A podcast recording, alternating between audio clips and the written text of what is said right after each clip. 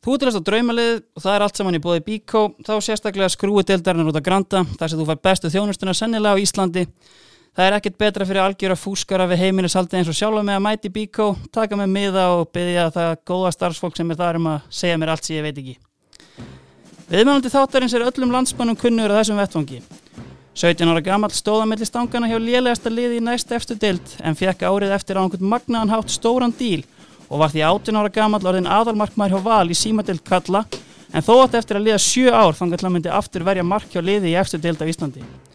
Í millitíðinni dundu yfir hann mörg áföll á borð við erfið nýjamelsli, erfitt auka hlutverki fjölmiðlum hjá Kiss FM auk þess að hafa verið eftirminnilega rekin úr kallati.is fyrir lélega mætingu á jammið. Hann kennir sig við læknisfræði þrátt fyrir að hafa lítið snert á raungrinum og sönga eftirminnilega að hann yrði með okkur alla 50 daga.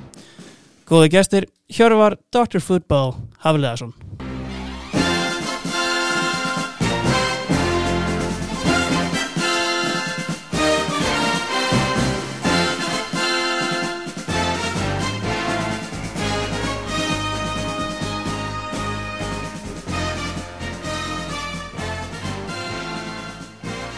Velkomin Hjörvar.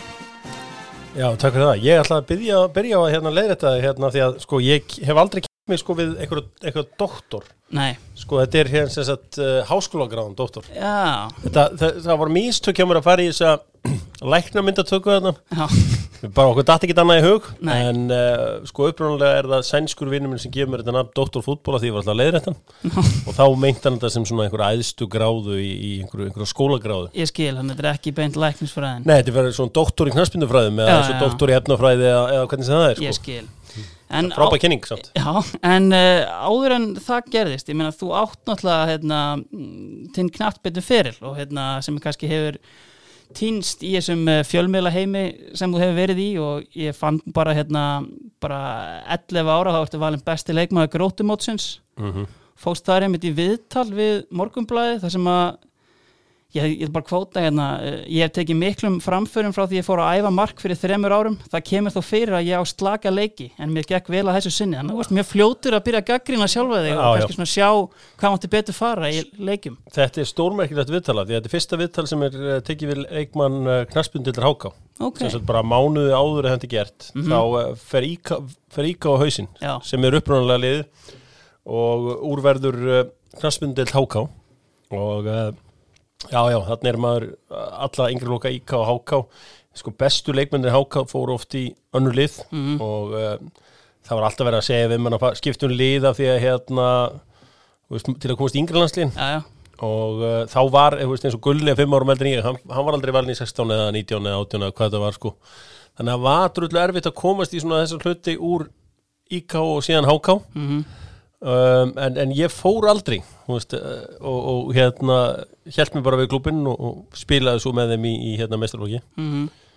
Já, já, herri uh, en uh, þú ert búin að negla hérna lið uh, hvaða leikkerfi hérna að spila? Ég er að spila hérna uh, fjóra fjóra fjóra tvo. 4-4-2 já Var það kannski það kerfið sem spilaði mest eða?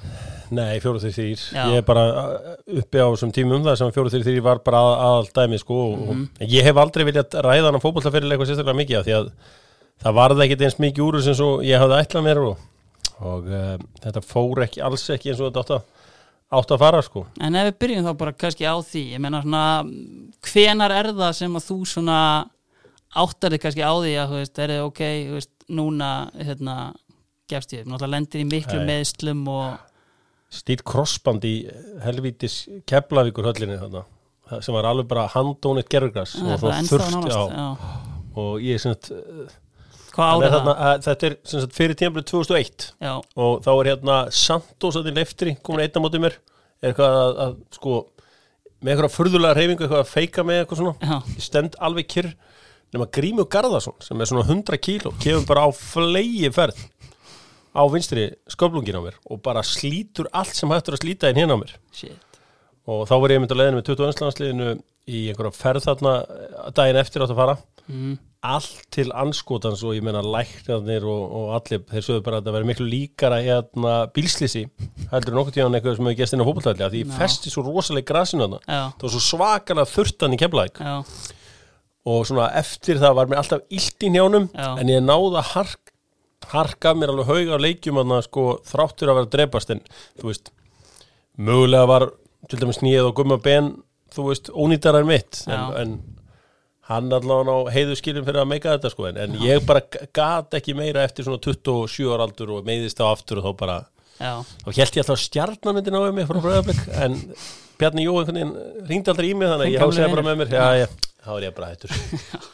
En herrið, byrjum þá bara hérna á uh, markmannstöðinni hvað, hérna, hvað kom svona helst í hugan þar? Sko ég hef náttúrulega verið með fullt af góðum markmennum sko. Veist, ég kem upp í meistarvölkinni á HK 97 þá er náttúrulega Gulli markmaður þar. Mhm. og það var mjög gaman að æfa með Gulla. Við vorum ekkert ekki mennina markmannstjálfur þannig að við fórum bara eitthvað að skjáðum til hlýðari á hvern annan í eitthvað, smá tíma og Gulli er náttúrulega mjög góð markmaður og náttúrulega, þú veist, ég þarf ekki að segja neitt um hversu góður hann er. Nei, um, sko, þegar fyrir varamarkmannina 98 er ég síðan með Boga Petersen sem var svona góðsögn í innan IK og HK þjálfaði liðið og, og alls konar. Um, og 99 varamarkmannur minn þar er Sverri Diego. Já, og Óli Ólafs já, sem er þá eitthvað 44 ára eða eitthvað. Og svo allt í hennu missi úr eitt leik var auðspjald og Haukur Braga sem kemur inn í eitt leik fyrir mig. Já. Sko, og 2000, 2000 þá kemur John Mills með mér í val Hann er mitt hérna, sko ég var einmitt, að- kemur hann veist, til að leysa þig af eða þú veist, hérna Nei, okkur bara þegar okkur vandaði markmann og hann er alveg ekki kosta neitt. Nei, og það, hann var ágætur sko en, en þú veist, þetta var fullt fyrir haflega svona allir var mættur á bekkina já. en En einmitt, þú byrjar tímabilið þarna á bekknum en Já, þú veist, voru það eitthvað, já, er það að skipta eða þú veist, vannstu þið bara inn í liðið ég var eða- með bara inn í lið, ég held að Eyjúpa bara fatta það síðan að ég var betur en hann í marki en Já, ég, þú veist, hann var kani, þú veist, ég, hann var hann, ég man eins og hún var að tapa mútið viking þá tók ég hann eiginlega hálfpartin á taugum og fór að hita upp fyrir aftan marki á hann og það sem að það baði með enginn um að fóra að hita upp. Þannig að ég leta hann bara, að því að hann var ekki með mikið leikskilning, þannig að ég bara bjóstu að hann held að ég var á leiðin inn á. Þannig að hérna, það baði mig það skildi engi hvað okkur ég fór að einn fyrir aftan að upp.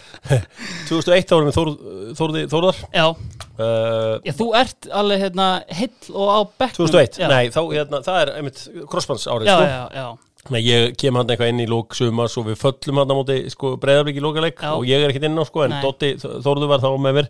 2002 þá eru Tómas Inga og Ki- Kitty Kitty skildi Já, Já, uh, svo fer ég auðvitað að vinna með hérna Kristján Fimbo 2004 mhm, Já, mjög gaman, bara frábær náungi líka. Mhm. Uh, 2005 þá kynist ég að ungum strák sem ég hafði helviti gaman Þorstedt Vaff Einarsson sem Já. var bara svona gaur sem að spilaði fótbolta á virkundugum og datt í það um helgar og hafði gaman sko.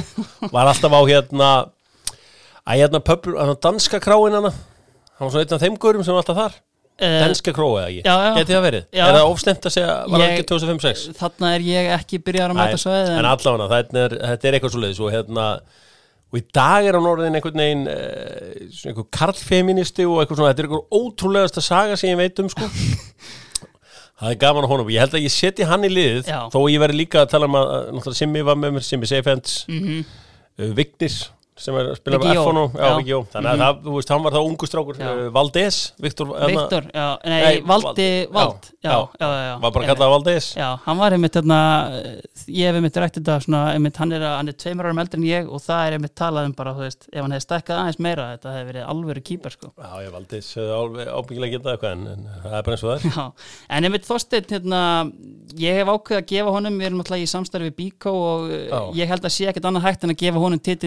Ég erum alltaf í við Bíkó og Já. ég í búið Bíkó í þessu liði. hann er, hann er klálega ég hef bara, hef, hef bara svo gaman að því að sjá bara hvernig hann hefur uh, svona involvast í, í lífinu bara og, Já. og hérna, hann er hérna einhver borgafulltrú fyrir vinstri græna og Já, mætir reglulega, ég væri eiginlega til í að bara læsa hann og frosta saman í Harmageddon bara hérna í nokkra daga og sjá hvernig það færi, sko. Það væri, málega það sko að ef þú hefði sagt mér þetta fyrir þessum árum síðan þá hefði ég náttúrulega bara sko náttúrulega aldrei trúað því sko það væri bara svona svipað eins og geimveru væri bara á leiðin hérna á þækið eitthvað. Ég er bara, þetta er ótrúlegt. Já, en herrið, ok, Þorsteinn tekur ramman uh, ef við færum okkur þá bara í hérna varnalínuna, byrjum kannski bara á hæri bakverðinum Já, þá er það hérna minn maður Átni Kristín Gunnarsson. AK-47 Já, AK-47, uh, Svínið uh, frábær náungi já, bara dásanlegu náungi. Uh, hérna, gott að hafa með sér liði Hann náttúrulega, ég þekki hann frá að við vorum fimm ára sko. Já. Þannig að við vorum alveg bara upp alla flokka. Hann var í breyðaflik, ég var í IK En hann voru saman í HK í handbóltan Já, já, já. Hann var mjög góður í handbólta Varstu, mark, varst þú markmaður í handbólta? Nei, byrjaði sem markmaður í handbólta En svo einhvern tíðan sagði Gulli við mig að væri svo aðstæða þegar bæði marki í handbólta og fótbolta. Ég hætti sem markmaður í handbólta sem var náttúrulega stórkostlega mistök. Já, og uh, Þannig að, nei, ég fór að vera úti í handbóltanum og hérna, en Átni Kristján var bara svona gaur, þú veist, þú gast öskra á hann, hann vildi í markinu, hann svaraði aldrei tilbaka, hann Já. bara svona veifaði hendinni, sko, Mhm. og bara rock solid varnamál, líka náttúrulega bara toppnáungi, þannig að Átni Kristján verður að vera þarna. það er eitt sem að ég hérna, hjó eftir með Átna Kristin er að hérna, ef ferðin að KSI.is og flettir honum upp, þá færðu upp greinilega þú fær mynda á honum og þetta er greinilega úr sömu myndatöku og, og myndin þín inn á. KSI.is Tekinn á Kaplarsvíka, 21. liðinu, Já, já. þetta er hérna, þetta eru magnaða myndir hérna. ég Já. hef bara séð ykkur tvo með þessar myndir Ég held að Bjarni Guðjón sé líka með svona Já, mynd. það. Já, Já. en þarna er hérna 2001, sagður það þetta er svona 2000-2001, já. Já. gott yngri, lastu það Uh, já, sko, ég segi- 79 árgangur er svo lélur á Íslandi, Já. en 80 árgangur er náttúrulega besti árgangur sögunar. Aldrei hefur einn árgangur 80 átt margar landslýsmenn Mhm. og ég get bara að tala líka gullskór, ég held að séu 5 eða 6 gæri 80 árgangunum, bara honum, sem eiga gullskó. Já, Og þannig að þetta er algjörlega einstakur hópur og ég minna líka í handbólta. mhm Þar ertu með kannski fjóra gaurafætta 80 sem eru hérna, sem fengu hérna silfrið í, í Peking, sko. já, já, já. Þannig að hérna, þetta er svo, þú veist, veist, levelið á okkar árgangi, með við til dæmis 8, 79, Mhm. þú veist, mér Bjarnar Guðjónsson alveg geggjaðan, sko, Já. ríkalega góður, en rest var bara rest og rusl, sko. þú veist, með káringarna góður, veist, búi bensin, etilun og, og þú veist, einhverju svona gæða, en, en sko, veist, það voru, þetta var, þetta var all-star árgangur, eða 80. já. Getur þú nefnt kannski svona top 3 ári smágangi? Ég meina, Jói Kalli spilaði náttúrulega í Premier League og, og La Liga, Mhm. uh, bara svo margir leikmenn, og Já. bara endalist, veist, hann var, hann var þar, uh, Hver var svona bestu kannski í þessu landslið sem varst í hérna til dæmis á? 79-80 Já. hérna. Jói Kalli uh, var frábær. Uh, Maril Baldinsson mhm, uh, þú veist, það voru þú veist, uh, markmyndir í mínum morgun gerir ég Ómar eða ekki? Ómar, já, en Robby hérna, línumæður. Robby Gunn? já, Já, og, og. Ste Stefán Lógi, við bara 80 já, já, byrja guldskotni, það eru Maril, það eru Bjöggi það er Atli við sást hvergi í þessu öllu saman. Nei, uh, Garða Jó, Já. Veiga Páll Gunnarsson já, Þetta er allt úr sama árgangunum sko. Svo bara þróttara sem aldrei geta neitt Þeir áttu Bjögga og þeir áttu Hans og Jens og Já. þú veistu bara með eitthvað Þannig að það var bara Það var nóg af talenti Já. í þessu öllu saman heimitt. Er Átni Kristinn í hægri bakarinnum, uh, færum okkur þá bara yfir í hafsendana? Já, þeir eru tveir, ég tók þá saman Já, Sko Nánasta samstarfi er alltaf að hafsenda já, sem markmaður og þú veist Ég kem að í breyðablík 2005 þá er Guðmann Þórisson 18 ára. Og ég hef aldrei séð svona 18 ára gaur, sírjúandi kjaft og alltaf tuðandi og bara ég hafði gaman á hann og móti Kára sem að þú veist Kári hérna, Ársarsson uh, spilaði náttúrulega með, með breyðablík í mörg ár var náttúrulega Íslandsmeistari fyrirlið Íslandsmeistarleisins 2010 og þú veist, fótbolt í dag myndi hendunum betur heldur en þarna. Kára? Já, Já. góður löpunum og góður, rosalega kaldur. Já, það tók mikið af sjensum svona, sem að tók mann smá tíma bara að læra að meta. Já, en hérna ég spilaði með fullt af frábærum hafsendum. Ég spilaði með hérna gæja í Val 2000 sem heitir Brian Welsh já, sem er harðasti gaur sem ég spilaði með á æfin sko, hann bara hann er, er ábyggilega besti hafsend sem hefur komið til Íslands. Hann er hérna, hann átti einhvern feril hjá Motherwell og eitthvað svona dót sko og var, sko, og hann hita alltaf upp með að skallins langt frá marki eins og hann gatt pyrra, íslenskir hafsendur er alltaf pyrra mig svolítið að geta ekki skalla almenna frá marki já. Brian Wells tók bara 50 metra skalla En fyrst þú talar einmitt um hérna, hafsenda í val þá hérna, tölum við valsara mikið um mann sem kom hérna 2001 mm. Dean Holden spilaður með honum eða? Já, þetta er hann árið Já, sem meittur en, en sko, já, ég æfði náttúrulega með honum og svo var hann, hann, kom, en hann spilaði ekki svona tíu leiki eitthvað að því að einmitt, hann spila held ég bara fyrstu sjö leikin eða eitthvað svo leiðis og fer síðan bara í prísísonu með Bolton og, og Valur fellur síðan Jó, bara- fe- föllum hann á 2001 Já. og þá vorum við náttúrulega með ungan Egil Púrisett sem þjálfara. Já, uh, rétt fyrir mót mæti náttúrulega síðan Figrid Alamerovic já, sá miklu mestri, ég meina sko, s- sjö- 98 handbóltargóðsvörinu og línni, Já. hann er hafsend hjá mér þar. Mm. 99 þá ertu með hérna, Lúðvík Jónasson hérna, Million Dollar Face. Og, og Meti hérna, hérna, hérna Metta. Já, einmitt Sindra hérna úr, úr, úr leftri. Uh, Ísútin Daði Dervits var hann líka, veist, það var alveg haugur af hafsendis með Pól Torsteinsson einhver færingur, Já. Hans Fróða Hansen færingur náttúrulega síðar fyrir frá mig. Já, uh, svo var hann einhver þjóðveri frá Zimbabwe eða eitthvað álíka hvað hétt hann aftur, 2006, Oliver Risser. Já, já, já. En- það var alveg haugagæðum En við erum að negla þetta á Guðmann og Kára. Já, ég menna svona, ég er líka í svona gleði. Já, og uh, já, ég hérna, ég, ég hef þá. En þetta er einmitt sko tökum aðeins bara Kára hérna einmitt uh, byggamestari 2009 Íslandsmeistari fyrirlið 2010 já, en manni fannst kannski svolítið eins og árin á eftir þá hérna þá er hann einhvern veginn svona called out og svolítið gerður einhverjum blóra bögli einhvern veginn og hérna allt í einu alltaf fara að tala um hvað Kári sem mikill akkilesar hæll í liðinu og honum er hægt að skipt út af fyrri hálfleikarni í einhverjum leik 2011 eða 12 og, og einhvern veginn fjarar undan þessu mjög fljótlega þó hann sé ekki nema, þú veist, ég menn hann er 25 ára þegar Já. þið vera Íslandsmeistar ég veit ekkert hvað gerist í breyðarblik eftir, að- eftir að sko ég er farin sko. Já. þannig að það, það getur vel verið að hann og Ólega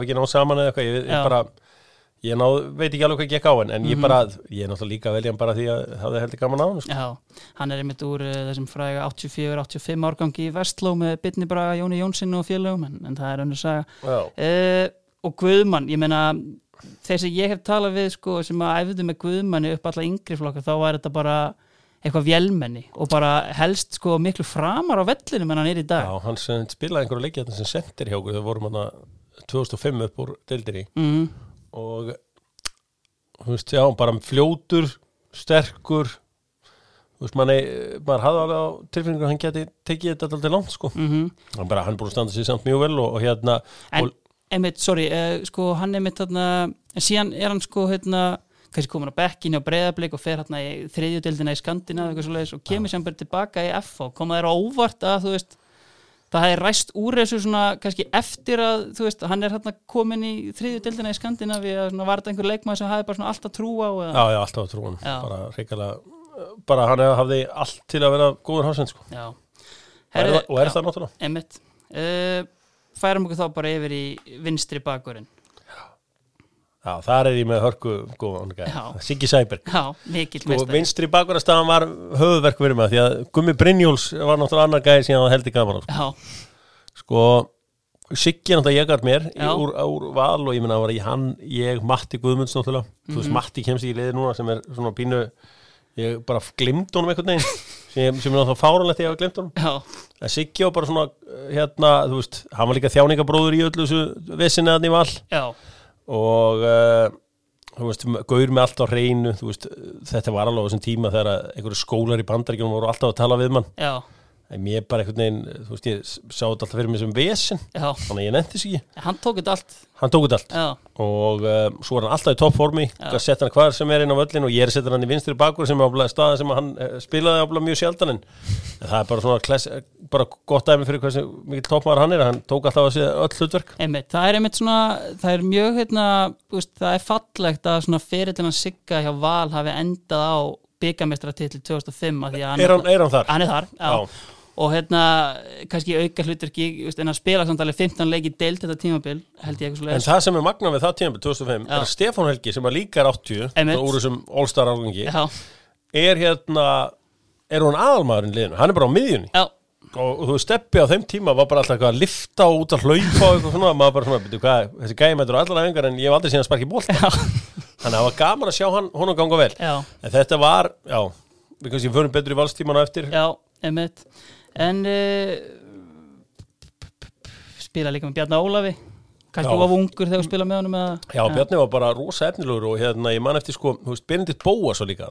Benni var nefnilega mjög já, hann leikmaður sem ég var hefur á, hann var mjög aggressífur já, og gast einmitt sett hann hvar sem er inn á völlin og alltaf, þú veist, onnit rosalega reyðhallaræfingarnar hjá Va- Val á þessum tíma. Já, og slegist mikið á þeim. Mhm, þú veist, Þólokur Átnason var þjálfókur að einhverju tvö ár og hann var alltaf frammi og rífandi kjaft og, og það var alltaf það var alltaf allt geðsjúkt upp í reyðhöllin já, og uh, en Bjarni var mjög rólur eins og hann er sko, og á þessum tíma, hann er kannski 16-17 ára, þá var eitthvað að byrja að á Pítiborg eitthvað að reyna að fá hann og Helga Já, ég man eftir mjög stört eftir myndi mokkanum á fossi íþróttublasina sem þeir halda á einhverjum Peterborough fána og hérna eitthvað svoleiðis saman sko. Já, og hérna en það sem ég, eh, svona ferillina spjarna hefur komið svolítið óvart ekki hvað hann hefur staðið sér vel heldur hvað hann spila á vellinum, því að ég ætla alltaf að þetta er bara topp miðum Já, og hann einmitt kemur sko frá Skandinavíu hérna, þegar við erum Íslandsmeistar Valur verið Íslandsmeistar í 2007 og hann spilar mikið á því tímabili á miðinni sko, en er síðan bara plassir að beint aftur í bakverðinu eða hafsendin eitthvað svoleiðis. Já, en e, þú veist, já, mjög hérna en þú veist ég hérna æfði með honum í nokkur ára en þú veist, þekkja hann eiginlega ekki neitt. Ég, ég spjalla svona þrýs og við hann Annar leikmaður sem kannski spila með Kristinn Jónsson. Eða hvað? Jú, Kitty, nei, Kitty við spilum nokkra leiki saman í byrja Já, já, ok. Þú veist, Arnur og Aðalsteins miklu frekar sko. Já, já, já Arnur Sveinn og, og þú veist það var, það var þú veist, topp top og þú veist, náttúrulega hefur náð helvítið langt í fótbolta og náttúrulega Einmitt. bara verið Íslandsmeistari nú með gáður Einmitt. Herðu, færum okkur þá bara hérna uh, yfir á miðjuna. Mm uh, Hæri kanturinn. Já, já, já. Það er hérna, þar er sitt ég uh, höfðingjan sjálfin, sjálfan maður sem gekk nú undir náttúrulega fróarinn í mörg ár uh, Kristján, svo Stjáni er bara mjög góður kantmaður Já, og neglir og var með góða fyrirgjafir Já. það sem að ég kunni alltaf metta, hann neld honum fyrir svo gæti hann skorað rosalega mörg, já. Frábær í, í meðviti. Mm uh, kannski, þú veist, uh, þú veist, hann var ekkit eitthvað rosa gladur ef hann tekið út úr liðinu eða eitthvað svona. Erfiður í, erfiður í hóp fyrir þjálfara. Já, mjög, Já, það er ótt að segja það og það var alltaf að vera rekan á félaginu hann var einhvern veginn með nýju lífi í þessu. Og hérna já, ég meina, þú veist, það var en, en frábæra fyrirgjafir góð skot, eða frábær skot afsakið, mm. Mikil hraði í honum eða? nei, en samt lúmskur svona, þú veist, eh, ég myndi alls ekki segja hann að vera hægur. Nei, og hérna, náttúrulega og bara, eh, þú veist, það var gaman að hafa hann í, í liði og þú veist, eh, líka bara þegar var verið að sapna fyrir einhverju þá var hann klári í allt og þú veist, var, var heldur flottur í þessu öllu saman, þannig að þannig að hann fæði klárt sæti í þínu liði. Já, hann, hann verður að gera það sko. Hann, hann, hann var náttúrulega orðin veist, hann var náttúrulega já, hann var vittlös fyrir þarna 27 ára á breyðarblik til að vera einhver spilandi þjálfari hjá kvöt Tökum það eins hérna. Hva, en, en, en kannski byrjum bara alveg á byrjunni. Hvað, hérna, hvena kemur hann frá blöndási í breðan? hann kemur svona 95-96 eitthvað listið hann að fara í mennskóla Já, ok, og bara hérna, einmitt, er þá búinn að trilla bröndlós uh, en hérna, eins og segir, tekur hérna, hann er bara eitt leikjæsti leikmaður breyðablík, er það ekki? Jó, hann er bara, hann er komið uh, sko þegar ég þegar ég kemur breyðarblik Mhm. þá var, nú helviti lengi í bjödild Já, og þeir hendu þarna út veist, Kjartan Einars, Kjartan Antons Hákonni Sverris, Kristofi Sigurgis tóku bara allt þetta leið freinsuðu út og svo náðu þeir í unga leikmenn og, bara, og svo mig. Já, og þegar ég kem frá KS 2004 þá held ég að myndi alveg haugur að leiðan ringi í mig. Já. Það var eiginlega bara bregðarblik þannig að ég eiginlega neittist eiginlega til að mæta upp í smára og hveta Varstu sára að Willum hefði ekki bjallað þegar hann færi sér í það var, Val? Já. neyninu, búst ekki til því sko En hérna, ég er mitt, hérna, Kristján er náttúrulega hluti af þessu liði The Invincibles já, 2005, já. sem fer upp á deildinni uh, ég hérna grófi upp uh, uh, grein úr fjölmjölum eftir það tímabil þar sem að fjölmjölum að sagði það kemur ekki óvart að blikarnir rúluðu fyrstu deildinni kallarnir.is eru aðal mennindir í liðin og sáum bara um að afgreða þessa deild Hjöppi K. í markinu, Rungarinn og Magnús Skítuðu Gunnarsson ekki Já. skæðið að síðan að vera með þjálfara með skamstafuna B.J. já, veist hver þetta er vantarlega sjá, sóli. Nei, reyndar Egil Einarsson. Já, já, Já. já, já, hann er að skrifa þetta. Já, já. En, Það er hvern, það er. en þetta tímabilið með þarna, þú veist, uh, eins og þú segir, þetta er búið að vera kannski nokkur ár hérna í bjöldildinni og, Já, og síðan bara allt smellur þetta. Er þetta fyrsta tímabilið hjá Bjarnar Jó með liðið? og þetta er annað tímablöðs með liðu mm og hérna, það var bara þetta var breiðabliki dag náttúrulega mjög spennandi klubur og en þarna bara sá maður bara hvað var að frétta. Veist, maður mætti þarna og sá bara þriðja flokkin og annan flokkin bara haugur að hæfileikum sko. Já, og bara þetta var mjög spennandi og góðu tími og þú veist ég kem að það svona, þú veist ekki beint úr háká en samt háká megin í þessu öllu saman ég meina, þú veist, við munum þegar Gulli fyrir breyðablик, þú veist, Mm. var hérna, þú veist, það var allt vittlust hjá liðið fólksins, einhvern veginn hjá hérna, nein, það, það, sko, er það, það allt saman er pínulítið búið af því sem er kannski gott og vond mm af því að núna er ekki verið að berjast um leikmenn og sömu hverfun, núna er bara kópar og svona tví skiptur Já, og ég held að flestir svona verði þau bara sko, þau mörg þau mörg sko og veist, það var hiti í þessu þegar maður rífast um leikmenn kannski og hjallaskóla, þú veist, sumur bregðar sumur, og þá voru kannski verið að slást eitthvað og eitthvað, eitthvað þannig dæmi. Það var aldrei neinn svona einhver, þú veist, jú allir sem voru í Vesturbæ, Kópóks voru bregðarblika Já, en annars var þetta bara opið. Opið, free for all. Og hérna þú veist, það var eiginlega svona harðari gæðinni í IK og HK Já, en svona, svona þeir sem var aðeins línari en, en ég kom hann í breyðablík og þeir eru alveg frábærir og, og hérna þú veist, góð stjórn gott, allt bara í kringum félagið. Mhm, Já, herri, uh, færum okkur þá yfir á uh, tveggja manna miðju.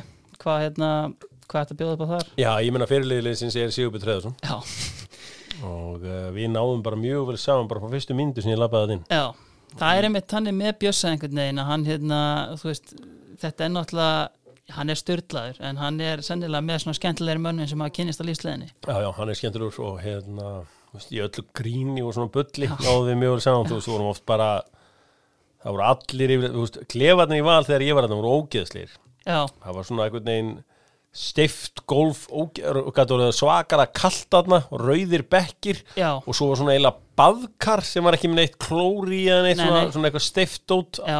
og, þessi pottir eru ennþá sko. Já, er hann ennþá? Já, það er aðeins búið endin í hann en, en þetta er, samt, er sömu sturtur potið sko. Allána, þetta var helvíti þetta var allavega ekki þetta var ekki VIP stöf sem að Valur var í á þessum tíma. En hérna Bjössi er hann 99 skorar alveg fullt af mörgum og en þú veist í öllu gríni og svona þá, þá hérna náðu við verið saman og hringdum oft í hvort annan og það sko lámars sko lengd af símtali var 100 mínútur.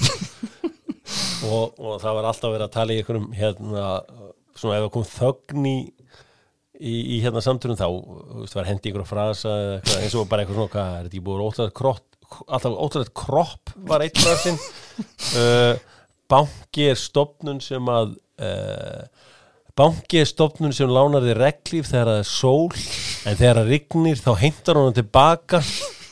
Var ein uh, svo var annað var hérna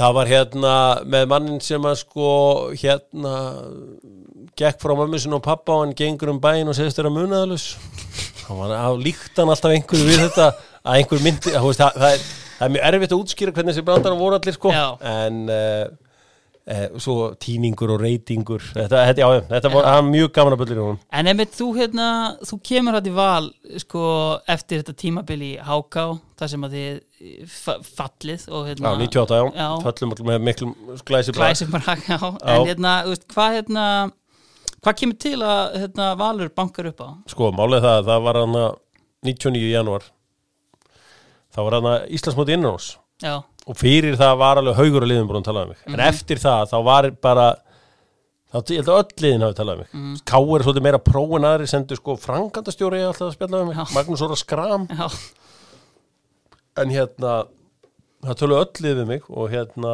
ég varði eins og titlingur hann í höllinni og bara skoraði og bara ég er búin e, e, að ítrekka það, villi hérna á rúf fyndi þetta mark, þetta er janúar 99 bein útsendingur höllinni það er svo Set- chip bara yfir hann. að chip yfir hann já.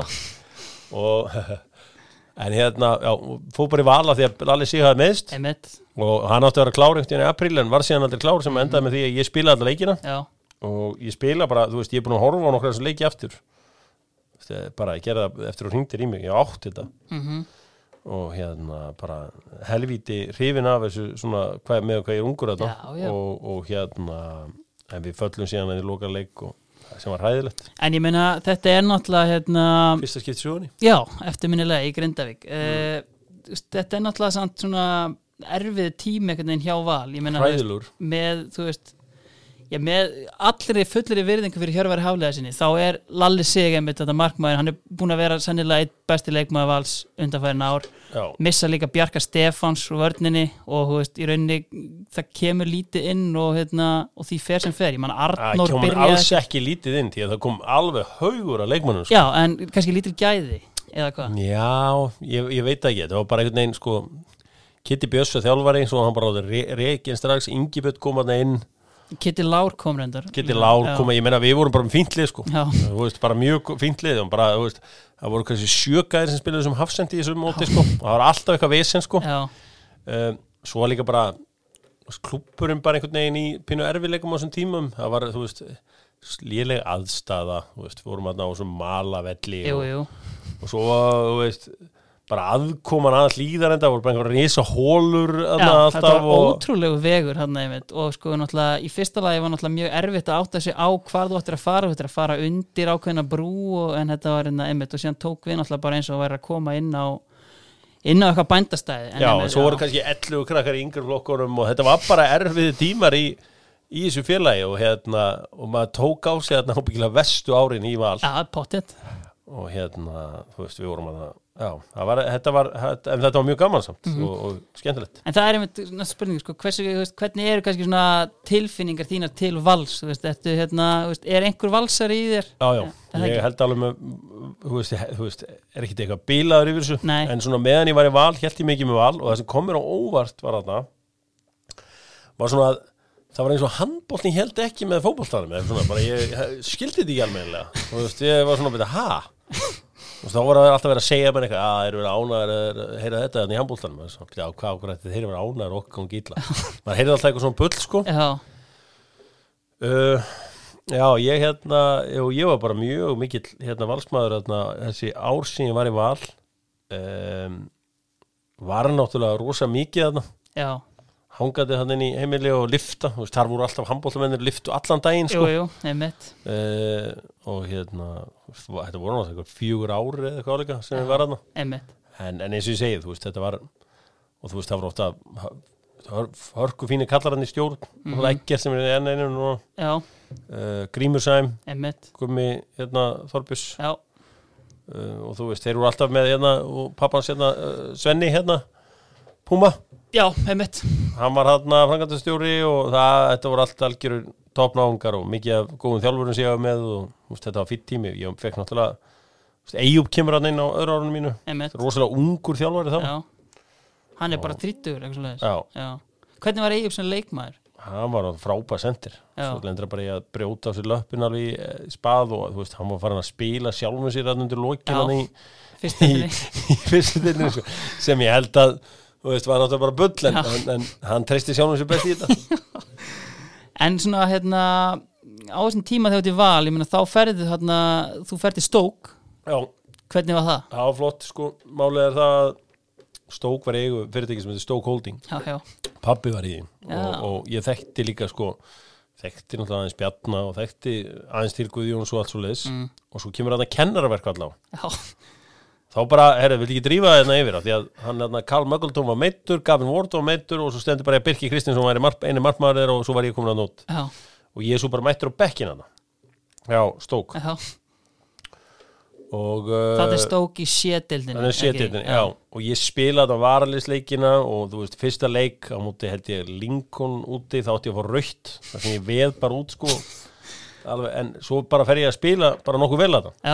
Mér leiði aldrei neitt eitthvað frábælega með þetta af því að út af tengingunni við pappa við þetta, þetta dæmi og allt svona þannig að ég var svona ah, og ég einhvern veginn svona ég hef alveg ekkert eðlilega vittlust ég var að standa með drullu vel aðna og þú veist, það, þeir hefði alveg skita haft mig að þessi þriðamarkmann og uh, haldið áfram að æfa þetta á hverjum degi. Þetta var bara stúpid, einhvern veginn ég fannst svona einhvern veginn, ég, einhvern veginn ekki alveg að vera þarna eða eitthvað. Ég, Ég bara, skil ég þig. skildi ekki alveg hvernig ákveði ég gerði þetta. Nei. því að var algjör spull því að ég var að standa með drullu vel aðna svo man ég man alltaf eftir í að að hérna, við spilum við vikkan á hérna á einhverjum hérna, velli í stók og, og þar var hérna Keith Gillespie.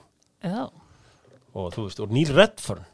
Já, var varði eins og óðu maður þú veist, Viggan var þá með eitthvað svona eitthvað peninga hann var hann að gaurin sem átti hann íþróttabúðuna JJ Sports hann og þeir eru með eitthvað hörku lið þarna að að móti okkur og hérna haflega sem varði eins og óðu maður hann í einhver markalösi jættubli á móti Viggan.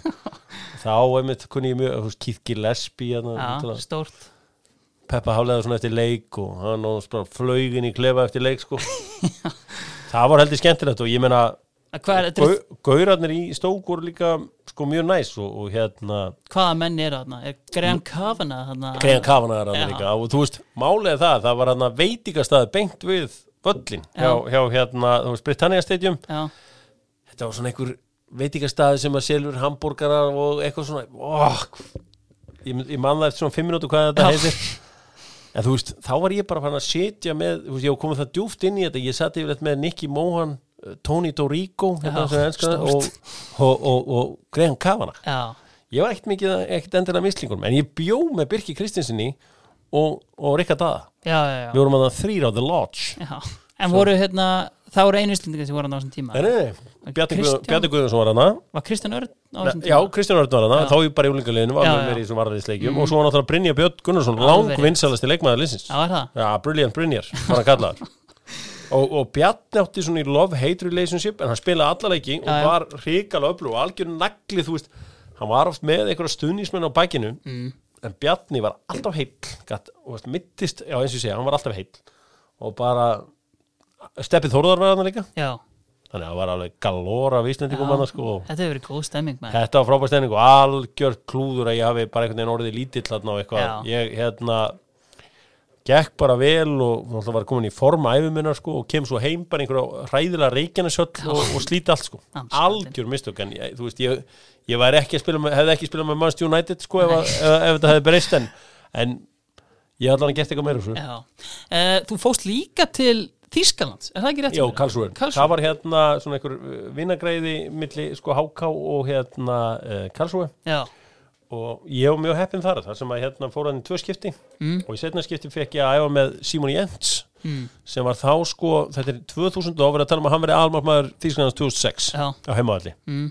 og við æfðum hann alltaf þar lærði ég svona að haga maður eins og veist, ef það var eitthvað vippi þá var þannig að á einhverju svona annar æfingur minni reyndi að chip yfir hann já, þá tók hann boltan og tók útspark bara beint í andlitið á hann bara að þú chipar ekki veist, allt, allt einhvern veginn svona og þá var ég bara svona, tjöð, það er svona er þíski marpenn og, og hann sko var með ömulega lappir. Já, veist, ég var nú ekki með bestu lappir í heiminn en það var, þú veist, þú veist, alltaf rullunum svona eins og keilukúlu aftur á hann þannig að hann gæti sett hann innan fótar upp að miðju sko. En, en hann fekk síðan einhver stór múf hvort hann fekk Wolfsburg eða eitthvað áleika svo hérna erum við hérna allar daga að æfa og, og hérna, og þetta er Karlsruhe amatörinn, uh, besti leikmarinn í var Clemens Fritz mm. hérna sem að spilaði sér með Þýskalandsliðin og verður bremin já, uh, ég hérna æfðubanda hvernig degi voru svona daldið saman og svo hitti hann neyri bæ. Og svona við gits eitthvað svona pæki. Herðu, þá heilsar hann ekki hann bara röldir í gegn þá var það svona attitút sem ég lærði mjög fljótlega þarna í, hérna, í uh, Þýskalandi og svona í kannski fótbolta það er svona, þú veist þú ert einhver guður í úlingaliðinu að æfa eitthvað þú ert ekki endur að bara heilsa honum út á götu eða neitt svoleið sko. ekkert frekar en bara markmenn Þýskalandsins gerðu 2006 á mótinu sem hann átti að vera í markinu Jens Lehmann og Nei, já, já, nákvæmlega, þú veist, það var, það var svona skrítið, þetta var, hef aldrei lendið sáður að ykkur gæði sem að heilsa mér sko. og hérna, þannig að sem betur fyrir hefur þetta aldrei komið hérna á Íslandi að einhver gaur mæti úr öðrum flokki á eina æfingu og fær svo ekki það blessaður er ekki nikkið. Nei, en, en þetta var hérna þetta var mjög skemmtilegt og gaman að æfa þarna og þetta það var hérna, já, Clemens Fritz var að mér minnir lang besti leikmaður þetta mm. Karlsruhe voru þarna á smá niðurleið. Sean Dundee var farinn og, og þeir eru með þetta Vildparkstadion geggjaðu völlur með rosa markmannshefðu þarna Oliver Kahn er náttúrulega frá Karlsruhe og, og svo þegar að Karlsruhe verða hérna mestrar eða bæinn verður mestrar árið 2000 uh, þá er svona fullt af fólki að safna saman eh, á Vildparkstadion sko á barnum í kring af því að Mehmet Scholl er svona þeirra uppáhalda því að hann, hann er hérna strákur úr, úr hérna liðinu. Þá er geggjuð sjá, haflega svona er þarna. Bara á borðið eins og við hérna að horfa á sjónvarpið. Og allir að horfa á einhvern veginn með sjól eitthvað og eitthvað svona. Nema á borðinu eru þrýr menn það er Hafleðarsson það er Gítur Búhald og Jóki Löf. Já. Sem Jóki Löf var þá sko aðalþjálfari hjá, hjá, hjá Karlsruhe. Já, hjá Karlsruhe, ok, já, já. þetta voru hræðilega ár hjá Karlsruhe. Og hann var ekki þannig að, þú hefði sagt mér að þessi gæði myndi ekki taka við þíska landsliðum með hvað var lítill hann sko. Þetta er bara, ég, þú, þú er ekki að nota neitt svona samnefnar í Íslands samfélagi en bara það er ótrúlegt. Nei, því að hann var nánast með snuð þarna og bara vildi ekki að neitt horfa á sig eða neitt svoleið sko. Hann hafði komið sem gríðalega efnilúð, óbúslega efnilúð þjálfari frá Stuttgart. Venni, Sigurinn Ólafs kom hérna til minn og hann var með hann hjá Stuttgart Mm. og talaði bara ágætlega um hann sko. Já, Jóki er þannig sko að hann var að hjálpa líka bara svona hérna þeir þýska sambandið hérna fastrakkaði leikmenn úr hérna 90 landsliðinu, heimsmeistaraliðinu. Já, í gegnum þjálfarnámskeiðin og þá bara var ég ógeila að og og, er bara algjör fótbolta heili. Já, en þarna voru við hérna, sagt, þá er þá er Gíto Búhvald hérna sportchef. Já, og uh, þarna, þarna ég áttaði mig bara ekki á því hvernig sko, menningin í þessum bolta virkaði. Mm Mhm. -hmm. þetta átti maður ekki að bara þú veist, átti maður ekki að tilla sér þarna. En ég bara ég hérna, það er líka gott sko að þegar að þegar að hérna, ég veit ekki hvort ég hægt að finna þetta en þetta er, er gott stöf, það er hérna 97 þegar að Stuttgart fóru að spila við hérna IBVF mhm, þá hérna vissi ég að daldið að fólki í Þísklandi sem var að fara að horfa á hana leik. Er þetta ekki 97, geta það ekki verið? jú, geta alveg verið mér sko. minnir eins og ég sé annarkvort með bílprófi alveg að þetta Já. bílprófi Herru fer á lögadalsvöllin horfi svona yfir allt. Sé Ásker Sigurvinsson. Já, herru ég tilli mig svona beint fyrir framann þannig að ég vissi ég hefði í þýska sjónvarpinu meira og minna. Og, og þá bara þetta var náttúrulega áður en að sko, það var ekki gemsar nei. þannig að maður fekk bara fréttir að þið setna frá fólki sem að sé þetta í þýska sjónvarpinu að, að haflega svona verið mikið af því að alltaf er eitthvað gerðist í leiknum. Panað ásker það var Panna Ásker, það var þarna Jonathan Akabori, nei, hvað er það í Stuttgart, sem var að fara á kostum í þessum leik eða eitthvað, ég man ekki, hann að Freddy Bobic eða eitthvað mm. Herðu, ok uh, Hinn miðumæðurinn með Bjössa, Já, þetta á miðunni já. Það er Olli, Olgi Sigurgesson uh, bara stittu á honum fyrir hann smáran, eitur á bingo.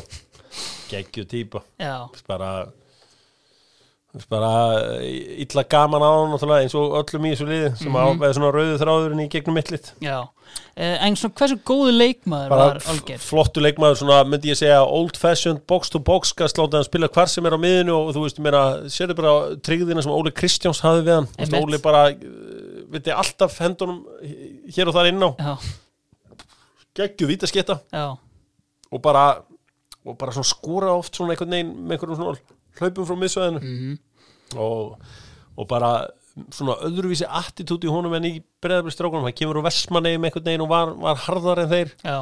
Og, og hérna- Kannski svona límið sem þurfti í svona þessa já. breyðabliks já, já, það, það, hann bara var mjög og þú veist já, já, þú veist, hafði gaman að því að kíkja á playis með okkur og sem var svona veist, þessi breðabristár, þau fóru mikið fram á playis hann var náttúrulega bara frábær bar. Já, var það þegar uh, mækarinn reð ríkjum á Nei, Mike kom setna Mike kom í kringu 2010 Já, einmitt. Herri, uh, Olgeir uh, Förum þá bara í uh, vinstri kantinn. Já, Kitty Lár, Kristinn Lárusson uh, voru saman í val, bara að þú veist var svona eiginlega pappin í þessu öllu svona Já, það er einmitt nákvæmlega eins og ég myndi lýsa honum. Já. Hann er svona í rauninni kemur einmitt sem Íslands og byggamestari frá IPVAF þarna fyrir tímabili 99 og sko og á í rauninni að vera kannski svona eða þú veist náttúrulega Arnón Guðjónsson er í leiðin en hann er samt svona ákveðin svona talismann svona að mörgu leiti þarna í hópnum eða hvað? Já, algjör hérna snillingur og, og hérna rosa, hjálpaði mér rosa mikið sko, var að peppa mig alveg mjög mikið á þessum tíma og þú veist, ég held að trúir ekki bara ævintýrlega rugglið sem 99 tímabilið í val var. Nei, sko, við vorum með svona faith healer með okkur í lið Eileen Drury Já, nána, hún, hún hétt hérna, ég held hún sé, hún dó í fyrra. Hún heiti Stúlla, hún, me, hún var mögnuð. Já, og ég var alltaf að fara heim til hennar hérna, ég held að við sé alltaf að segja frá já, já, Já, ég, ég veist, þetta er hérna, hún átti heima þetta eftir á Glæsibæ, ok. Splokkur og stóru þar. Já, já, og hún var alltaf að finna svona hitan á höndunum á mér, eitthvað svona bara og, og, og ég var bara svona, byrja, what the fuck, og bara, ok og svo var hann eitthvað, já, hérna orka hérna og svona ef boltinn skoppar hérna og verður að passa eitthvað og, og uh, það, það eru rosa margir boltar að koma inn í á morgun. Dag, daginn áður en ég spilaði á mútið leftri fór 0-0 og ég tók einhverja 70 fyrirgjafur leiknum sko, besti leikur sem átinn að krakki við spilaði á Íslandi sko.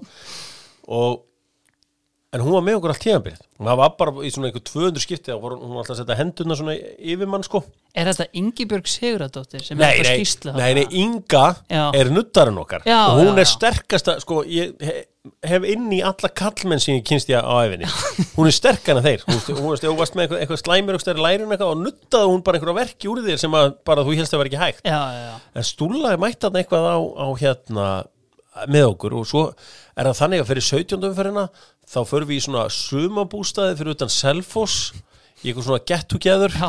hún er með okkur og ég er fengið hann inn í reykjelsið og eitthvað neginn svona og, og, og, og eitthvað heilaður og eitthvað sko já, en svo fyrir átjóndumferðina þá gistu í Hafnafyrði á einhverju hosteli þarna á Reykjavíkugötu bara svona eins og bara veist ómögulegt að æ, hvað heitir þetta? þetta er hana, veist hvað, hvað KFC er í hérna Hafnafyrði? já, já það er svona einhver ég held þetta sé þar. Er svona, það er einhver, einhver hostel hann að beint á móti. Ok, Svona með gaman ferðir og svo þetta með hostel Já. og eitthvað svona dót sko. Við vorum þar bara einhvern veginn, föstudeginum áður og allt og lengi að hangandi þar inni. Á leiðindi grindavíkur á leiðandi grindavíkur. En þarna voru þær sko. Þær voru þarna og ég meina stúla meina, hún, hún, já ég meina það má bara henda öllum sem hérna, eh, ég er ekki komin einnig með andra hún aðstofa Roberto Baccio já, sko, ég, sko, allan hún sagði mér það ég bara trúi því, Já. ég hún var hafði enga ástæð til að ljúga að mér. Nei, og svo einhvern tíma var það þannig að, að, að hún hérna bað mig um að fylgjast með einhverjum boltonleik og að Eyður myndi skora einhver stað vinstra megin og Eyður skoraði það einhver stað vinstra megin. Og þetta var ekki djók. Hún var rosaleg. En hver hérna á svona frumkvæð er það Ingibjörn sem að kynir hann inn í hópin Sko, nei, þar ertu með annan framherja hjá mér. Ég held að Arnó Guðjónsson hafi haft frumkvæðis Já, Þú veist, svona, þú veist, Kristján Guðmundsson hafi mikið verið að nota hana á Akureyri og nýtt sér hérna hennar aðstóð Mm. Þetta er náttúrulega bara á mjög svipuðum tíma og Glenn Hoddle er með Eilin Drury hérna í ennska landsliðinu. Það er 98 eitthvað svo leiðis og þetta er hvað 99 Já, mér fannst þetta hjálpa mér alveg sem, ég hef, þú veist, ég hef ekki ég er all for this sko. já, og já, það er hérna Já, finnst þér kominir með annan sendirinn það er náttúrulega einmitt, Guðjónsson, langbæsti fótboltamaður sem ég spila með. Uh, hann náttúrulega var svona öðru level en aðrir, bara allt öðru leveli. Já, og bara á, lang, lang, lang besti leikmaður sem ég spila með uh, þú veist líka bara svona litli hlutir eins og, veist, eins og bara í val þá gæstu dundu bara lendi því að þjálfarinn hafi geimt aðstofu þjálfarinn hafi geimt boltana út í Bílnum, skotti yfir nóttina og þeir eru frosnir. Og þá töðu allir, nema hann. Hann bara sett hann um veist, það var þannig að það við fengum ekki úttekt í hérna hvað heitir hún aftur hérna búðin sem var umbróð og diadóra ástund. Já, Það fengum ekki að taka út hérna dekað þá fórum við Kronos takaskó 2000 hún var drullu saman, fór bara rauða á Kronos og sett hann upp í vinkilin sko.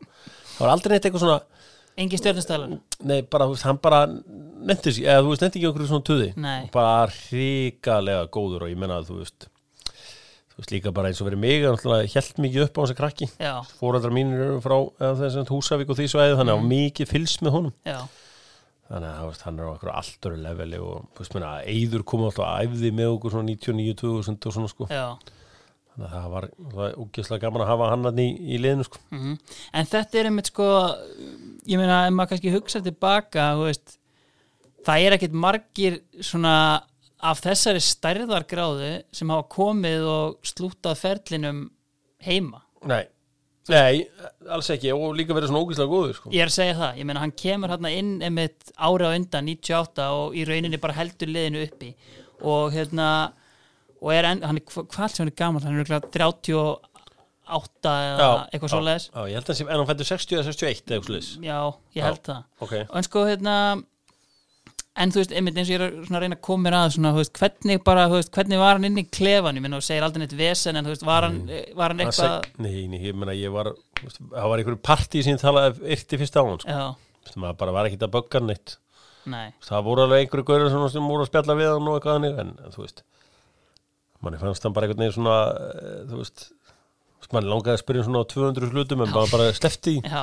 Geta hann bara vera En þetta er einmitt svona, ef við hérna, veltum aðeins steinum hérna, sko, Thierry Henry segir alltaf, sko, ég fóð frá Arsenal að því að ég var í rauninni bara að gera leikminni kringum mig verri. Já. Heldur að mönnum hafi staðið einhver svona uggur af Arnóri, hú veist, bara hann er langbestur og hú veist, menn sjálfkrafa bara kannski svona leita á að finna hann bara hvar sem er eða? nei, það var ekki hannig Nei. bara veist, þetta var bara svo margt í ekki alveg í lægi þetta Já, og uh, því fór sem fór bara já, einmitt. Herðu, uh, Arnór Guðjónsson upp á topp. Já, með honum. já það segir ég við Maril Baldursson. Já, sko náttúrulega, þú veist, Malli náttúrulega átt hann á miklu lengri fótbolta, náttúrulega 1.95 og, og þú veist, með hann skrokk og svona, þú veist bara kasta boltan frá miðju. Já, og þá bara tók hann á mótunum og snýri með hann sko. Já, og uh, Malli auðvitað bara náttúrulega líka, þú veist, félagi minn en, en ógeðslega góðu leikmaður og, og hérna eins og ég segi það, bara syndan á ekki ná lengra en hann var náttúrulega bara í, í líka í svona nýjavesinni Mm Þegar maður fer á Wikipedia síðuna hjá Marel Baldvinsinni stendur hann að fer á træjal hjá Manchester United. Er það rétt? Það er rétt, já, Já. já, það er 96 eða 7 Sjö. Já, það er passar, hann fór, fór þangað og, og hérna ég held hans í eini maður sem var á træli United. Já. Gulla, Gulli fekk eitthvað síntal en fór ekki sko. Nei, Nei. en þú veist, já, þú veist, Malli náttúrulega, þú veist, bara draumur hvers þjálfara að sjá hann á skrokk, mm bara, þú veist, ef þessi, ef ég næði þessum gæja gang, hann átti að vera lán til lókrin, en svo sá fósitinn hann gæja, var hann einhvern leður frakka, 1.94 ljós, eða þú veist, og ljósarur og Glæsilegur. glæsilegur og bara, já, herrði, ég nefnir, hann er að fara, þessi er að fara að skrifa undir þetta, sko. Það er einmitt sko hérna á hérna sömu Wikipedia síðu sem er ekki að ljúa ennþá það stendur einmitt að sko Stabæk hafi keift hann á 600.000 eurur frá, Frá. Já, Sko, ég veit allavega það er stór sala, Já. ég veit ekki nákvæmlega hvað, hérna, nei, en það er alveg rosaleg sala mér er segja bara í dag myndi ég halda sko Já, ég, hérna, eins og segi, ég veit ekki nákvæmlega hvað mikið en, en Nei. hérna en hann hefði átt að náttúrulega ná, ná, ná lengra en eitt sendir sem ég verði að koma inn að Já. sem er náttúrulega, þú veist, var sendir sem að þjálfa á okkur 98, Steindur Elísson Já, eitraður sendir einmitt sko, var upp á sleikmaður mitt sem, sem batt, sko, og maður var, ég var alltaf að tala um hann og alltaf að segja öllum frá því að þetta væri bara best sendirinn á Íslandi og ég skildi ekki hvað, þú veist, hann, vildi, hann væri bara mjög líkáðingur og vildi bara spila líká og eitthvað svona. Svo fer hann í Breiðablík 91 Já, þegar sandgrasið. Já, já. Og bara eftir fyrstu 6-7 leikin er hann markaðistur í mótinu og bara allir bara, já, heyrðu, Hjörður, þú greinlega viss bara hvað þetta tala um henni í boltan ég var búin að segja fullt af fólki að þetta er því bara aðal maðurinn Hann er svo 10 ára, einhver leis já, 11 ára, 10 ára. Já. og það er ég bara að, að var bara svona aðdándans. Mhm. það var svona ákveðið högg að hann færi í breyðarblik en ég var samt alveg til í að hann var, var í efstild rosalegu sendir, hann er pappi Kitta Stendus Já, já, ok. Og e, talandi um leikmenn svona góðir svona, svona, maður sá litlir, Kitti veist, frábær. Já, Þeir voru að koma þarna upp í lokin hjá þegar ég var bregðarleik, Kitty, Alfred Fimbúa, mhm, þú veist, Gummi Kristján Gummi Kristjáns og ég meina alveg haugur að náungu sko. Mm. veist, Gummi Kristjáns, svona, maður sá strax að hann er góður því hann náttúrulega Skrokkur. Já, skrokkur. Herðu, þá er hérna liði komið, svo ég lesi það upp bara hérna fyrir okkur, það er Þorsteinn Vaff Einarsson, yðnaðar maður leysins í bóði Bíkó, hann er í ramanum Já, Átni Kristinn í hæri bakverði, Guðmann Þóris og Kári Ásáls í, í hafsendunum. Sigurður Sæberg Þorsteinsson í vinstri bakverði Kristján Óli Sigursson á hæri kantinum á miðjunni Bjössi Reyðars og Olger Sigurgeirsson Kristinn Ingi Lárusson á vinstri kantinum og frammi eru Arnur Guðjónsson og Marel Baldvinsson. Já það, það vantar alveg fullt að góða leikmannum sko. Ég var fór náttúrulega inn í K.R. 2004 já. Þá er mitt hérna, þar spilar með mjög vinsælum manni í, í þessum þáttum sem er í rauninni Guðmundur Benediktsson sem hefur komið í held ég þremur af hverjum fjórum þáttum sem ég hef haft hérna sko, eh, sko ef þetta væri bara upp á stemningu og gleði þá væri Gummi þarna. Já, en ég hitti Gumma á hans á vesta ári á bíla. Já, sennilega. Hann gæti ekki þarna þú veist, hann var hérna jú, jú, hann var það frábæri fótboltam, hann Já. átti að sjá því sko.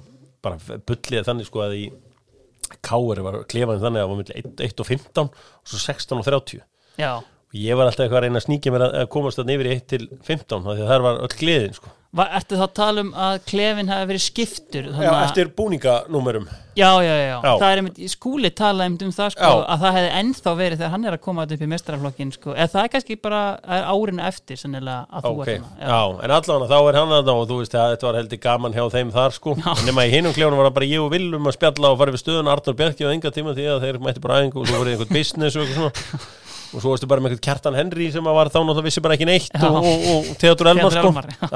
Þannig að ég var bara alltaf að Sverri Bergstein ég segi stundum að já, hann var reynda frábær. Algjör mestari reyndar ég klikkaði þarna sko. hann var, hann var einn, einn af mínum mönnum að í, í kljónum en hérna, já, gummi sko, gummi, nei. En sko, það hefur verið gerð documentaries um heimskari hluti en samband gumma Ben og Willums já, af því að þú veist ég held sem aðstóðu þjálfari K.R. 2004 eins og ég kalla mig stundum af því að ég var alltaf með Willum þá hérna þá held ég að ekki þóla hérna gumma og ég man eftir þessu 2004 að þá er, ringir hérna Maggi Gilva í mér eða hann eh, færi hérna gigið, K.R. gigið að segja að ég þurfi ekki að mæta þarna aftur og ringi ég gumma Ben og segja hann frá því að það sé nú búið að henda mér á K.R. og hvert hann var að fara því ég sá alveg fyrir mér að hann er spilandi þjálfari þoss já, fyrir norðan já, eða eitthvað svona. Já. myndi Eitthvað vera rómantískt. spílandi þjálfari stær í fyrstutinu og hvort að hann ætla ekki bara að taka haflega svona með þessu sko. ég ætla ekki að vera að plotta með hann herru nei, hann held nú ekki. Og ég segi, nei, þú veist, hvað hvað heldur? Og, og þá sé ég bara hann og leini val. Ég bara, ha, val já, viljum, efstu deilda því. Mér fannst svona, það var svona komin það var bara ekki alveg í stuðu á þessu ári. Nei, en svo það sem tók við þessi ár í val og svo síðast ári í káir en það er bara ótrúlegt. Hann var stóð sér svo vel og hérna ég ber alveg óendalega virðingu fyrir hvernig hann endaði sinn fótboltaferðila því ég veit hversu lýrið nýjan á hann voru. Já, af því þú veist Sveinbjörn Brandsson sem er læknir liðsins mm, hann saði að hann var eiginlega eini gæðin sem var líklega með lélæra nýja en ég. En, en þú veist, hann vildi samt meina mitt nýja væri mögulega verra. Já, Friðrik Eilert Jónsson, ég er náttúrulega maður sem er bak við Friðrik Eilert Jónsson. Ég er hérna fyrsti kost, hérna customer. Hann var náttúrulega 2001 hann hjá mér í hérna. Já, hann var líka oft að gera hann samanbyrð á, á, á njánum okkur. Það er ég var alltaf, mér var alltaf vilt mhm, og um, já, þú veist, ég er náttúrulega þú veist, þegar maður séð sko, Friðrik Eilert Jónsson breytast í einhverjum rockstjörnum það er bara, veist, ég var alltaf hjá þarna inn á grensastild Já, og, og, og hérna það er gaman að sjá hann í Katar með Gilva og Aroni og þessum gæjum og vitandi það að maður bjóðan til hann í, í, í sjúkarþjálfarleiknum sko. en myndur þú segja að það væri bara albæsti sjúkraþjálfur sem hafðir Já, Með já, hana? hann var, jú, þeir eru allir fínir maður, ég bara, hafði bara ga- gaman líka bullinu í, Já. í fyrir gælæfti, þess vegna held ég nefnilega gaurinn í landslíðinu fílan náttúrulega, það er, það er X-faktorun í hún það er ekki bara hann sé að gera við eitthvað líka en þú veist, það sem vantar í liði hjá mér já, er útlendingar sko, já, einmitt. Ég var náttúrulega með hauga og góðum útlendingum Mhm. þú veist, ég hérna en búin að nefna Fíkri Dalomerovits Fíkriðarm og Dín Holden og svo var ég með þarna, uh, þú veist í val var hérna Pól Torsteinsson Já. hann vinnu minn. Uh, svo vorum við með hérna uh, Mac, Errol McFarlane Errol McFarlane Já. já, góð típa uh, hérna, Júkarnir þrýr hérna í Breðabrik Sivanovic. Eða hvað? Sivanovic, Serjan og, og svo hérna Petrovic. Já, þeir voru góðir. Nei, menna, en svo náttúrulega voru bestu típuna sem ég gentist voru hérna leikmenn sem kom frá Krú Alessandra nei, Krú Alessandra, hérna Leighton Orient til HK 98, það voru Danny Brown og Jeff Brazier já, og Jeff Brazier er í dag svona stjarnar svona I'm a celebrity get me out of here stjarnar hann kom til okkar 98 svo er það einhvern veginn á flugveit einhvern veginn 2023 þessi með bara myndan fram á Hello.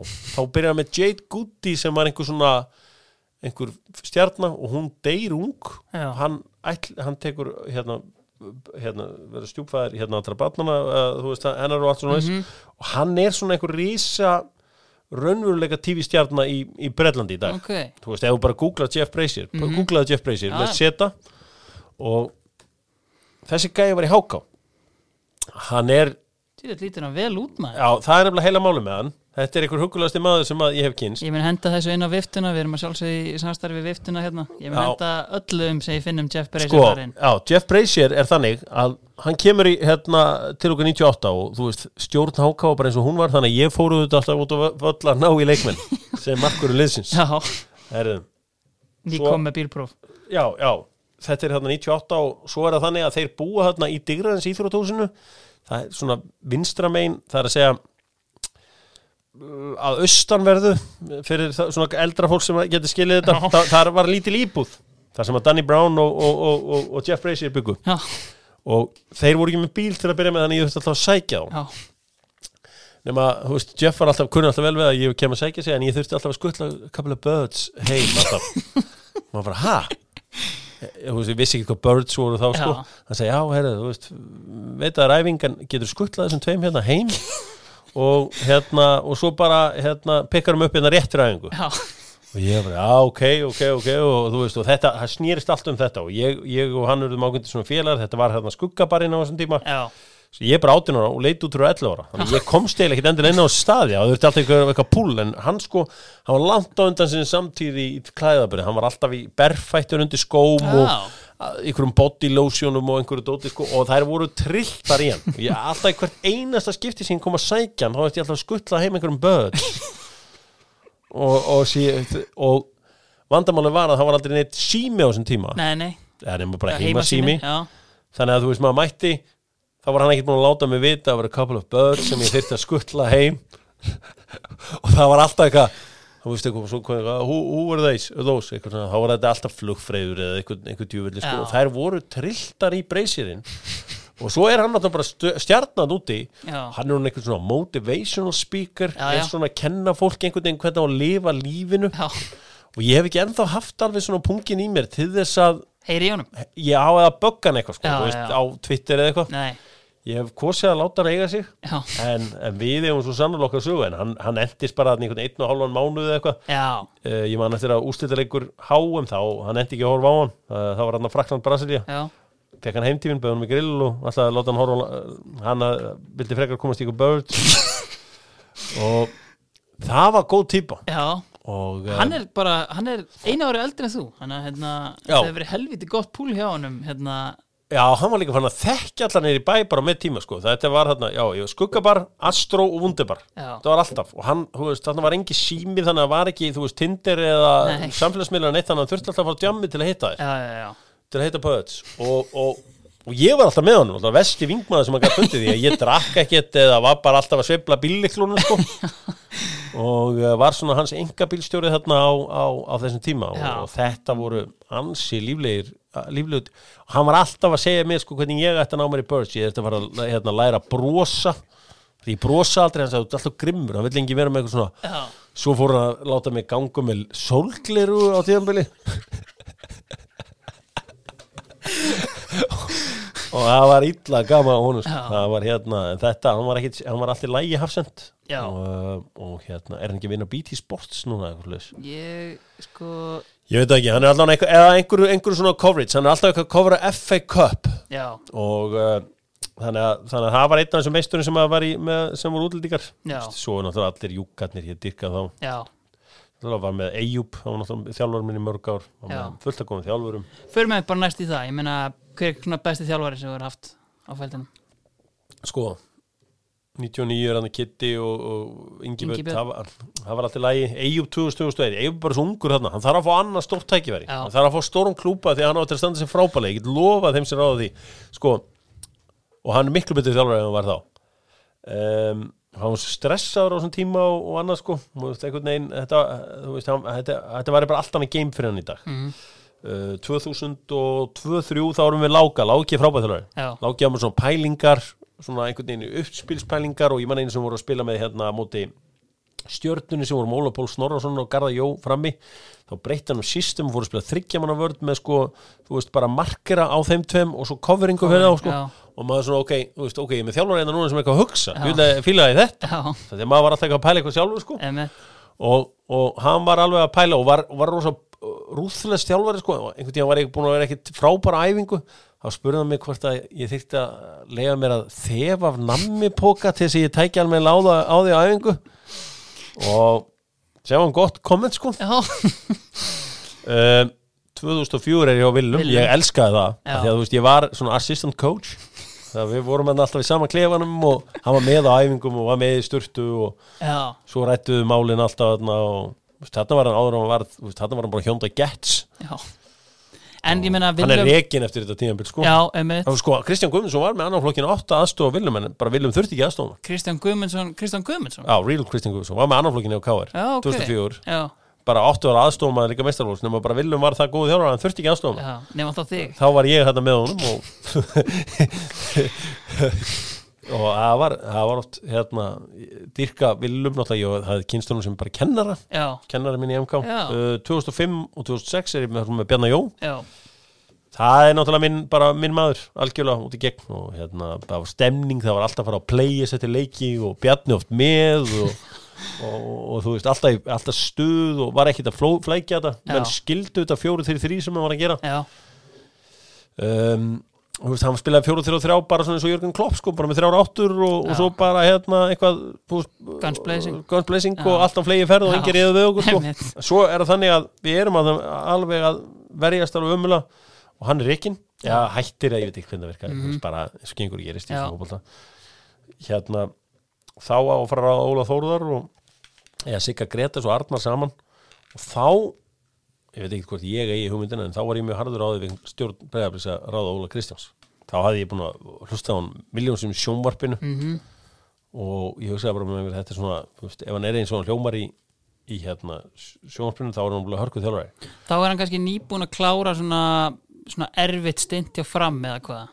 Jú, en ég hafði verið á byggarústaleiknum hjá Fram 2005 á móti val. Já. sem mér fannst þeir yfirspila á og ég var rosa hrifin af Óla Mhm. þú veist, meðan svona einhvern veginn mér fannst þetta flottur leikur Fram og vel Já. upp settur mm. og ég hugsaði bara með mér, og, ég manni ég var að skrifa um leikin og þá einhvern veginn sagði ég svona einhvern veginn að Óla Kristjánsson, Óla Kristjánsson gerði allt sem hann gætt gert í sínu valdi, lalala, Já. tapaði þetta í fyrirgjöf já, já, hann gerir það Já, og þá fyrir mér, þá var ég svona eitthvað bara, ok, þessi gæði greinlega veit hellinga fótbolta þannig að, þannig að við allan að förum hann að ég og einhverjir í breðablik förum að stimpla því í, í, í, þá að, að ráða hann. Og því miður, þá næði ég bara þessu einan tímabili mónum og svo einhverju undirbúnstímabili og, og fyrstu leikjunum. En, en hérna en ég verði að hafa, ég, það áttur þetta sé allt frábæri þjálfur, þá verði ég að hafa Bjarnar Jóhann því ég er mest líka, ég bara fíla Bjarnar best. Hann er, hann er svona orginal sko, gamli skólin Já, eða ekkit, ekkit endilega gamli sko, hann bara hann var ofta að pæla í einhverjum hlutum hann pældi rosalega mikið í ferðalögum. Hann var alltaf eitthvað að pæla í ferðalögum eitthvað svona eitthvað, hvernig myndum ferðast í leiki og þú veist, og svo bara alls konar frasar í honum og svona eitthvað svona Já, góð típa, Já. ég hafði mjög gaman að bjarna. Ég hafði mjög gaman að, þú veist, hepp, þú veist hann er bara heppið með þjálfar og allt svo leiðis og, og bara, veist, ég ætla alltaf að vera þjálfari sjálfur þannig að það var, er er. En er það hérna, alveg fara út um gluggan Nei, nei, Já, ég, hérna, ég beið bara alltaf með það, ég ætla alltaf að taka með annan flokk annarkvort hjá einhverju liði bara á næsta ári eða eitthvað svona og svo bara beið ég með það alltaf eitt ár og eitt ár og eitt ár en ég get alveg viðkjönd það að sjá hvernig, þú veist Arnar, Gunnlausinni og, og þú veist, Óskari Rafni þegar þið koma að bara klári með eitthvað svona manifesto bara hvernig við, hann vilja spila fótballa Mhm.